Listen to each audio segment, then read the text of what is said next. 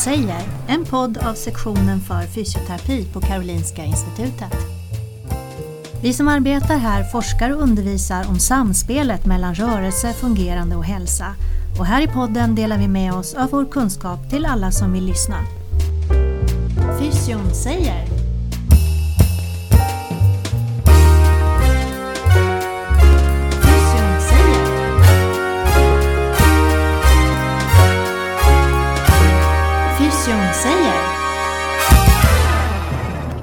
Ja, välkommen till Fysion säger. Mitt namn är Wim Groten och jag jobbar på Karolinska Institutets neurobiologi, vårdvetenskap och samhälle, sektionen för fysioterapi. Idag är ämnet ergonomi tror jag, fast kanske i ett vid bemärkelse. Vi har nämligen fått in här i studion Elin Widlund som är ergonom och har studerat ergonomi i många, många år. De senaste två åren har hon hamnat i Gävle belastningsskadecentrum och rykande färsk nyheter är att hon kommer att jobba på Arbetsmiljöverket. Välkommen till oss Elin! Tack så mycket. Jag undrar om jag missat något i min presentation till dig. Kan du lägga till något? Ja, jag har ju jobbat här på sektionen för fysioterapi på Karolinska institutet sedan 2008 eh, med undervisning inom framförallt ergonomi men också i lite andra, andra ämnen. Jag är intresserad av eh, fysisk aktivitet och stillasittande i stort men ergonomi och arbetshälsa är det jag brinner lite extra för. Just det, jag vet att du har gjort en avhandling med lite en annan inriktning. Ja, precis. Jag studerade fysisk aktivitet hos eh, förskolebarn och deras föräldrar. Där jag var med i en eh, stor interventionsstudie med syfte att eh, förhindra övervikt och fetma hos barn i en riskgrupp. Det var ett helt annat fokus och inte alls inriktat på ergonomi. Det är väldigt lärorikt och intressant. Ja, och sen kommer vi tillbaks till ergonomi. En liten kuriosa var att jag undervisade Elin i ergonomilektionen och vi visste att eh, året därpå skulle vi behöva hjälp med kursen. Och då satt Elin längst fram och räckte upp handen hela tiden, en sån där student ni vet. Så då var det inte svårt att fråga Elin, vill inte du hjälpa till nästa termin? Och så kom hon in i jobbet, fast du gick utbildningen, började undervisa hos oss redan. Och sen dess har vi egentligen hängt ihop. Mm. Det Ja, och jag är otroligt tacksam över att jag fick det ansvaret redan när jag själv gick i termin 6 på fysioterapeututbildningen. Fantastiskt eh, kul och eh, har gett mig en skjuts i rätt riktning eftersom det var just ergonomi jag var väldigt intresserad av redan innan jag började plugga. Ja, och var kommer det intresset ifrån då? Eh, Jag vet faktiskt inte riktigt. Eh, Min, min pappa är, är forskare, eh, virolog, så inte alls Nej. inom det här ämnet. Men jag har alltid tyckt att forskning har varit intressant och av någon anledning har just arbetshälsa och ergonomi intresserat mig. Och jag tror att en bidragande orsak var också att, att ergonomin på grundutbildningen då, när jag pluggade till sjukgymnastfysioterapeut, eh, intresserade mig otroligt mycket. Och sen hamnade du också i, när du blev ergonom, då gick du ju egentligen samma bana. Då började du hjälpa till i själva kursen också på arbets och miljömedicin. Vilken Precis. kurs var det då? Precis, det var ju en, en kurs som fanns som tyvärr inte finns längre. Eh, som kallades ergonomutbildningen. Eh, jag kommer faktiskt inte ihåg vad det korrekta namnet på den kursen var, men, men den kallades för ergonomutbildningen. Och då gick jag den, kan det ha varit år 2010, 2011 eller nå- någonting sånt. Och året därefter fick jag vara med och eh, undervisa lite grann har jag för mig, men kanske framförallt hålla lite mer i trådarna kring kursen. Eh, Så det var ju också otroligt eh, spännande och eh, en, en snabb eh, karriär inom den banan kan, kan man säga. Ja, bra. Okej, eh, men varför jag har bjudit in dig Elin är dina specifika kunskaper som uppmärksammas också av Arbetsmiljöverket. Är det där med könssegregerade arbetsmarknad. Mycket poäng kan man få på Wordfeud för det här ordet. Mm, precis.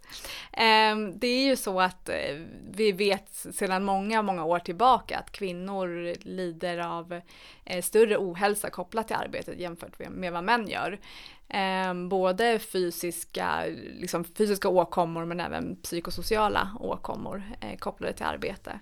Och då har frågan varit, men varför är det så här? Jo, varför är det så? Varför är det så? Det. Är, det är den stora knäckfrågan. Mm. Eh, och med den bakgrunden kom jag in i ett postdoc-projekt, alltså mm. en fortsättning på min forskarkarriär, där jag eh, kom in i ett projekt som leddes av, eh, eller fortfarande leds av Sven-Erik Mattiasen, professor mm vid eh, Centrum för belastningsskadeforskning, Högskolan i Gävle. Där han eh, fått pengar av Arbetsmiljöverket just mm. för att studera de här sakerna. Just. Mm. det man hade sett då lite tidigare när man hade tittat på litteraturen är att anledningen till att kvinnor och män, det ser lite olika ut i sjukfrånvaro och sådana mm. saker, är dels för att arbetsmarknaden i sig är könssegregerad. Kvinnor och män jobbar med, har olika yrken. Eh, som belastar dem på olika sätt. Men det stannar inte där utan man har också sett att även inom ett och samma yrke så gör kvinnor och män olika saker. Mm. Även med, med liksom samma arbetsyrkestitel. Okay. Kan ni ge ett litet exempel? Där Ja, jag kan ju ge exemplet utifrån den studie som, ja. som vi sen eh, satte upp. Eh, som, där vi har tittat på matbutiker. Mm. Där man skulle kunna då definiera olika arbetsuppgifter inom en butik. Det kan vara kassaarbete, arbete mm. med mejeriprodukter eller eh, kolonialvaror och sådana mm. saker. Och då har, har hypotesen varit att kvinnor och män eh, faktiskt befinner sig på olika platser i butiken. Ja. Eh, så det skulle kunna vara ett exempel. Mm. Men det stannar ju inte där utan det, en annan hypotes då är att eh, även med samma yrke och samma arbetsuppgifter så belastas kvinnor och män på olika sätt. För att, ja, eh, för att eh, den typiska arbetsplatsen är eh, ofta anpassad efter manskroppen, ja, alltså en typisk manskropp. Mm. Ehm, och verktyg och sådana saker ehm, på, på, samma sätt då. Mm. Ehm, utifrån en, en mans hand till exempel. Yeah. Och det gör ju då att kvinnor belastas på ett annat sätt när de använder de här verktygen eller det. använder de arbetsstationerna. Ja. ja, ett bra exempel är där ett tangentbordet som är då lika stor som en mans axel. Och kanske lite för brett för kvinnor då. Precis, och det leder ju ofta till kanske utåtrotation i, ja. i axelleder eh, som skulle kunna innebära mm. en, en ergonomisk risk då för besvär. Ja. Så även om man gör samma sak blir det olika ja. belastning. Precis, precis. Och sen finns det ju utöver de här arbetsrelaterade faktorerna såklart andra förklaringar som mm. också bidrar. Eh, som vi kanske inte tittar på specifikt inom eh, arbetshälsofältet men som mm. självklart också kan ha betydelse. Eh, så som att kvinnor och män eh, är benägna att söka vård i olika utsträckning. Ja. Att eh, det kan också vara att man blir bemött på olika sätt när man väl söker vård. Mm. Ehm, så.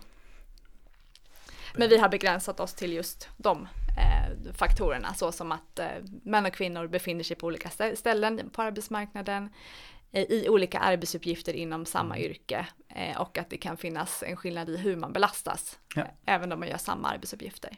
Eh, det vi har tittat på är detaljhandeln och anledningen till det, att, vi valde, att just detaljhandeln valdes, eh, är för att det är en ganska jämn könsfördelning. Det är just ungefär 50-50 kvinnor och män mm. som arbetar i matbutiker. Ja. Ehm, och också för att det finns flera olika arbetsuppgifter att väl, liksom variera sig emellan ja. eller att, att mm. Eh, vara fördelad på så att säga. Mm.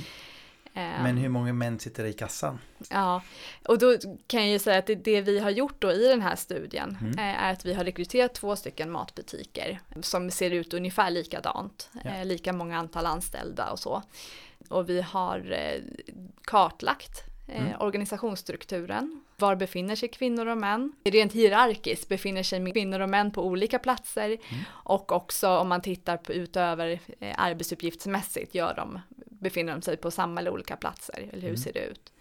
Det vi också har gjort är att vi har, eh, vi har skickat ut en enkät till mm. alla anställda på de här butikerna som de har fått fylla i. En väldigt omfattande enkät med allt ifrån eh, skattningar av eh, hur ansträngande de upplever arbetet rent mentalt och mm. fysiskt. Mm belastningsskador som de upplever, besvär. Eh, men också en stor del av enkäten eh, har handlat om den organisatoriska och sociala mm. arbetsmiljön. Ja. Ett stort, stort batteri med frågor. Um, så det är den ena. Sen har de också eh, blivit intervjuade, flera av dem, mm. där vi har gått lite djupare in på frågan om eh, det här med arbetsroller mm. kopplat till eh, genus då. Eh, vi har också mätt dem rent eh, fysiologiskt, fysiskt. fysiskt, Precis. Där de har fått ha eh, mätare som mäter både då hur mycket de sitter, står och går. Mm. Eh, de har haft mätare på armarna som mäter hur mycket och ofta de rör på armarna. Ja. Och de har haft en hjärtfrekvensmätare för att vi ska Mm. kunna kartlägga puls eh, och eh, hjärtfrekvensvariabilitet som ett mått på stressreaktioner Ja. och så. Så att de har, fått, de har varit utsatta för mycket, Otroligt. Ja. de här eh, arbetarna eh, Mm. i matbutik. Tyckte de om det? Eh, jag tror att de flesta har tyckt att det varit väldigt intressant. Eh, jag kan säga att de har haft de här mätarna på sig i tre dagar. Okej. Eh, så att det är inte jätteomfattande. Är, I många studier har, de, har man En mätare vecka, i precis. en vecka eller så. Ja. Och de har ju fått individuell feedback på sina mätningar. Så att det, Mm. jag tror att de flesta har tyckt att det har varit väldigt intressant faktiskt. Och jag kan säga att, att syftet med studien är egentligen att och som skiljer den här studien från många andra eh, liknande som har gjorts på området är att vi kartlägger ju då hur, hur belastningar ser ut i arbetet, både fysiska och mentala. Ja. Men vi går också vidare och undersöker varför det är så här genom de här intervjuerna där vi Ja. kan försöka ta reda på vad är det som gör då att till exempel kvinnor och män tenderar att hamna i olika Mhm. eh, roller. Såg ni skillnad i eh, belastningsbesvär också? Ja. Eh, Så det stämde mig till Det verkar stämma. Kvinnorna upplever en mycket högre grad av besvär, Mm. eh, kroppsliga besvär jämfört med männen. Och de upplever också en högre grad av mental belastning. Ja. Och eh, då är jag intresserad, hur mäter man mental, mental Mm. belastning då? Det är ju via den här enkäten Ja. då, där de fått svara på olika frågor eh, kring hur de upplever Mm. just den mentala belastningen. Men sen också den här hjärtvariabilitet. Kan ni berätta lite mer om den variabeln? Mm. Hjärtfrekvensvariabilitet, det handlar ju om eh, tiden emellan varje hjärtslag. Okej. Och har man en väldigt hög variabilitet så tyder det på liksom en, en frisk eh, respons Mm. eh, där man inte har så högt stresspåslag. Okej. Eh, Medan om den här variabiliteten, alltså tiden mellan varje hjärtslag inte skiljer sig så mycket åt. Ja men där man då har eh, en, en lägre hjärtfrekvensvariabilitet så tyder det på att man, man har ett högre stresspåslag, alltså Ja. hjärtat är inte lika adaptivt för eh, eh, att eh, förändra sig i takt med Ja. omgivningen så att säga, eller det som händer i Just kroppen. För Mm. att eh, man ofta diskuterar att man tycker att när man ska mäta stress och frågor om stress då är det så subjektivt men det här får man ett väldigt objektivt Exakt. mått på Precis. stress och verkligen hur den personen upplever stress. Naturligtvis vet vi inte om den är arbetsrelaterad. Stressen kan komma från olika håll men, men intressant att jämföra då män och kvinnor på samma arbetsplats och Precis. se hur det ser ut. Precis, och hur det skiljer sig mellan olika arbetsuppgifter. Ja. Mm. Vilken är, är det jobbigaste då inom matbutiken då? Är det sitta i kassan? Ja, vi, vi vet inte riktigt Okej. än. Studien är inte avslutad än. Så vi har, inte. inte, vi har inte kunnat eh, dra några liksom, slutgiltiga slutsatser här Mm. ännu. Men som lite preliminärt så, så kan jag ju säga att eh, om man jämför de här olika arbetsuppgifterna i butiken Mm. så finns det skillnader i eh, både mental och fysisk belastning i Ja. de här olika arbetsuppgifterna. Eh, om man tittar på till exempel mejeri så är det Mm. otroligt, eh, det förknippat med otroligt många eh, tunga lyft Ja. till exempel. Alla de här vagnarna med filmjölken, ja. Precis. framför mig. Exakt, och de ska fly- då sättas upp på hyllor hela tiden. Och det vi har sett då eh, när man tittar på det här organisationsschemat så är det en ganska tydlig eh, bild av var män och kvinnor befinner sig i Ja. butiken. Och det ser väldigt lika ut på de här två butikerna vi har tittat på. Där eh, kassarbete, arbete med post och eh, bröd är tydligt kvinno, kvinnodominerade Ja. yrke, eller arbetsuppgifter då i butiken. Eh, medan mejeri eh, och arbete med kolonialvaror är tydligt mer mansdominerade. Just det. För det man har sett är ju då att kvinnligt kodade arbetsuppgifter tenderar ju att ha mer att göra med liksom social omsorg och Mm. eh, kanske kundnära då om det gäller eh, eh, matbutik till exempel. Eh, Medan männen tenderar att ha en större variation i det de gör eh, och att deras eh, manligt kodade arbetsuppgifter snarare tenderar att handla mer om tekniska, Mm. arbeta med tekniska prylar och eh, kanske tunga lyft som i och Ja. för sig kan vara en ergonomisk risk. Mm. Eh, så. Just det. Vad bra. Nu lyssnarna hemma går och funderar på dina arbetsplatser och försöker se strukturen i, i, i könsstrukturer här i dina arbeten och återkom till Eileen här. Vi har en, eh, ett avsnitt här i våran podd som heter Myter och osanningar. Och jag tror inom det här fältet är det säkert väldigt många myter som finns där. Och om jag tänker rent spontant och tänker att ja men kvinnor är kanske har inte så mycket muskelmassa. Och det är kanske är därför att de går sönder snabbare. Biomekaniskt, inte så konstigt att man får fler belastningsbesvär, eller hur? Är det en myt eller en sanning? Mm. Jo, men jag skulle nog säga att det är en, en myt faktiskt. Eh, det kan ju mycket väl vara så att kvinnor och män har olika fysiska och, och även mentala liksom, förutsättningar och olika kapacitet. Men det man har sett i studier är att det är inte en sån viktig faktor eh, för just belastningsbesvär. Mm. Utan det är snarare det här segregationen, både vad gäller vilket yrke man arbetar med, att vi befinner oss på olika platser på arbetsmarknaden, men också att vi gör olika saker när vi mm. väl är på jobbet och på det viset belastas olika. Så att det är snarare belastningen vi utsätts för som är, är det avgörande snarare än vad som händer inne i våra, alltså att vi är olika rent biologiskt. Då. Ja. Bra, då blir vi av med den i varje fall. Ja. Har du någon fler myter som vi kan bli av med? Ja, det finns säkert, eh, säkert flera myter. Eh, jag tänker att någonting som man skulle kunna fundera på, där jag inte själv har det klockrena svaret eller kan säga att det är en myt, men det skulle ju kunna vara något som dyker upp efter att ha lyssnat på det här, att ja men vad fasen, då borde ju chefen se till att, eh, att vi kvinnor och män jobbar med samma sak ja. och att vi liksom jämnar ut det här. Men jag skulle säga att det här med var vi befinner oss på, i, på arbetsmarknaden och i, i arbetet inte har så mycket med, eller det har inte bara med vad, vad chefen mm. säger att vi ska göra, utan det handlar också om föreställningar vi har själva, mm. eh, om vad, vad jag som kvinna eh, ska jobba med ja. och föredrar.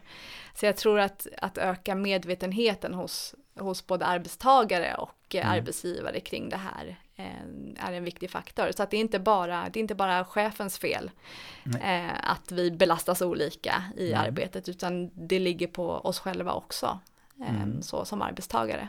Det finns alltid en stor debatt om kvotering. Ska man kvotera in kvinnor i, i styrelsen är det nu tror jag eh, sagt. Men ska man ta det samma sak i de andra arbetsområden? Eller vad säger du? Ja, jag har inte funderat på det där om, om jag är för eller emot kvotering i det här fallet, men jag tänker att öka, öka medvetenheten mm. åtminstone eh, är ett steg i rätt riktning. Mm. Eh, och eh, jag tror jag tror att, att kvotera kanske inte är rätt väg att gå, men att åtminstone att, att lyfta upp de här frågorna, att börja inventera hur ser det ut på min arbetsplats mm. eh, och försöka utgå därifrån. Jag kom på eh, vår egen arbetsplats här. Där har vi eh, ett gäng städare som springer runt och sätter våra trappor och korridorer och så. Och då är det lite sån klassiker att den som sitter på städvagnen är en kille som kör den och så eh, är då kvinnorna som tar moppen och mm. eh, tar toaletterna. Ja. kommentarer till det? Ja, det bekräftar ju i så fall det, det vi, vi vet sedan tidigare om att, att män tenderar att arbeta mer med verktyg, eh, eh tekniska prylar ja. på, på det viset. Mm. Så att det, det förstärker ju den bilden i så fall. Vi välkomnar nytillkomna lyssnare till Fysion säger, en podd av sektionen för fysioterapi på Karolinska Institutet. Jag sitter här och pratar med Elin Widlund om könssegregerade arbetsmarknaden. Eh, ergonomer är vi båda två, så jag hoppas inte att det blir för nördigt här inne. Men eh, vi försöker hålla oss till en nivå som eh, alla lyssnare kan förstå. Så en stor punkt i detta med ergonomi är något som heter Physical Activity Paradox. Och vad är detta nu? Elin kan ju hjälpa mig. Förklara mm. lite lätt. Mm. Ja, det här är ju någonting som är väldigt mycket på tapeten nu. Där vi på senare tid har börjat slå ner väldigt mycket på stillasittande kopplat mm. till arbetet. Stillasittande är någonting som är skadligt för hälsan. Eh, och det, så, det vet vi att, att det inte är speciellt bra att sitta still för mycket. Men det som är intressant är att om man jämför personer som har yrken med, med väldigt mycket stillasittande jämfört med de som har yrken med väldigt mycket fysisk aktivitet så är det de som har mycket fysisk aktivitet på jobbet som mår sämst. Mm. Um, och det är det som vi, man har börjat kalla då för the physical activity paradox. Att har du, rör du dig mycket på arbetet så tenderar du att ja, dö, dö tidigare, eh, mm. eller riskera att dö tidigare yeah. i alla fall, och ha högre grad av sjukskrivning jämfört med de som sitter mycket på jobbet. Yeah. Så det är ju lite motsägelsefullt eh, om man tänker på det allmänna budskapet vi har ute i samhället. Every mm. step counts. Och podden nummer 17 pratar vi om alla små steg som hjälper till i hälsan. Men du säger nej, kanske inte riktigt. Stegen nej. på jobbet är farliga, men stegen hemma är bra. Precis, och det är det som är så intressant att vi vet att fysisk aktivitet generellt är bra för hälsan om man tittar på total mängd fysisk mm. aktivitet. Mm. Men när det gäller just den här arbetsrelaterade fysiska aktiviteten så är det någonting med den som gör att den inte är hälsosam på samma sätt som rörelse generellt sett, mm. eller fritidsaktiviteter. Om jag nu går in i en förklaring till detta då kan man tänka sig, ja men de som har de här fysiska jobben, de är kanske lägre utbildade, de jobbar direkt efter gymnasium börjar man jobba på, på detta och de blir inte kontorister och de hamnar inte bakom en dator. Och, eh, så det kanske inte är jobbet som har gjort det men att det är då utbildningsnivån som kanske leder mig eh, sämre levnadsvanor, rökning och sådana här saker. Kan det vara en förklaring? Mm, alltså det, det, skulle ju kunna vara en förklaring, eh, men i en studie som kom ut ganska så nyligen eh, så tog man hänsyn till de här faktorerna mm. och fann att trots att man tar hänsyn till de faktorerna så tenderar man att ha en ökad risk för för tidig död om man rör sig mycket på jobbet. Mm. Så att det är inte den enda förklaringen, även om det skulle kunna förklara en del av det hela. Utan det man snarare tänker sig är mm. förklaringen mm. är att den fysiska aktivitet man utför på arbetet är av en liksom helt annan karaktär än aktivitet vi gör på fritiden. Mm. En viktig faktor är det här med återhämtning. Ja. Fysisk aktivitet på arbetstid är ofta på en lägre intensitet så att intensiteten är inte tillräckligt hög för att du ska få liksom en träningseffekt av det hela. Mm. Och det sker under lång tid utan återhämtning. Mm. Eh, så det, det, är en viktig förklaring. Eh, sen är det också så att eh, den, den fysiska aktivitet du gör på arbetstid gör så att du ligger med en lite högre puls ja. hela tiden. Eh, och det vet vi i sig är en riskfaktor för eh, hjärt-kärlsjuklighet mm. till exempel. På samma sätt blir då blodtrycket lite förhöjt hela tiden, ja. eh, vilket också är en riskfaktor för, för hjärt och kärlsjuklighet. Ja. Så det är några av de förklaringarna som har getts då till att just eh, den här fysiska aktiviteten som sker på arbetstid snarare är skadlig. Mm. Ehm, eh, om man jämför då med, eh, med sådana som eh, kanske sitter lite mer på arbetstid men, har, men tränar på mm. fritiden. Mm. så du får då en, liksom, arbeta med högre intensitet under en ja. begränsad period. Och det bygger upp kroppen. Ja, då är naturligtvis frågan om eh, vi kanske har fått några stycken lyssnare som tycker också att ergonomi är det roligaste ämnet. Som undrar hur blir man ergonom? Ja, alltså man kan ju börja med att säga att ergonom är ingen skyddad titel. Mm. Så vem som helst kan egentligen kalla sig för ergonom. Men många som jobbar som ergonomer har ju en bakgrund eh, som eh, fysioterapeut mm. eller arbetsterapeut, men någonting åt det hållet. Där man senare har byggt på med olika utbildningar då. Och som sagt, för ett antal år sedan fanns den här som vi då brukar kalla ergonomutbildningen. Jag tror den heter någonting med arbete och hälsa. Arbete och hälsa, någonting. Den finns tyvärr inte kvar, eh, men det finns många olika typer av utbildningar man kan gå. Mm. Eh, bland annat har Karolinska institutet eh, en magisterutbildning i mm. arbete och hälsa som man kan söka till. och det finns liknande utbildningar både vid Högskolan i Gävle och på andra håll. Mm, KTH tror jag. KTH, ja. Är man fysioterapeut och med i eh, vårt fackförbund, eh, fysioterapeuterna, så har de en sektion eh, för arbetshälsa och ergonomi. Ja. Där man kan vara med och få mycket matnyttig information. Ja, de brukar köra en sån här seminarieserie vet jag. Och de har på webben. Ett specifikt område som vi pratar om nu var egentligen belastningsergonomi då. Men jag vet att det finns synergonomi också. Vill du lägga till någonting där då? Mm, ja, precis. Det ju, ingår ju egentligen i belastningsergonomi, yeah. tänker jag mig, men eh, har blivit lite av ett eget eh, forskningsområde. Mm. Eh, med många som är experter på, på just det. Alltså, och där är det kanske många gånger optiker också som är intresserade yeah. av, av det såklart det är ju otroligt viktigt med synergonomi, även för oss eh, vanliga ergonomer som kanske inte fokuserar på just synergonomi. Mm. Eftersom synen styr så mycket i vilka kroppspositioner vi, vi hamnar. Ja. Eh, så att det, det är ett otroligt viktigt forskningsfält. Ehm, vi vet ju att, att synen styr ju kroppspositionen. Mm. Um, så för att kunna, kunna titta på det vi behöver kunna titta på så mm. behöver vi hålla nacken stilla ja. och i en, en position eh, som gör att vi kan se det vi ser, eh, vilket kan leda till eh, besvär i nacke ja. och axlar. Och sen har vi också sett i forskning att ciliarmuskeln, ögats mm. muskel, kommunicerar med trapeziusmuskeln. Mm. Så att det kan även uppstå pro problem på grund av det. Mm. Så att se bra eh, är otroligt viktigt. Mm. Och då, därför står det i våra föreskrifter står det alltid att arbetsgivaren måste se till att arbetstagaren har bra syn. Så går och kolla synen och arbetsgivarna är skyldig där. Det är en tips från coachen härifrån. Okej, eh, det var då belastningsergonomi, synekonomi. Är det någon annan, något annat område inom ergonomi som du vill lyfta fram?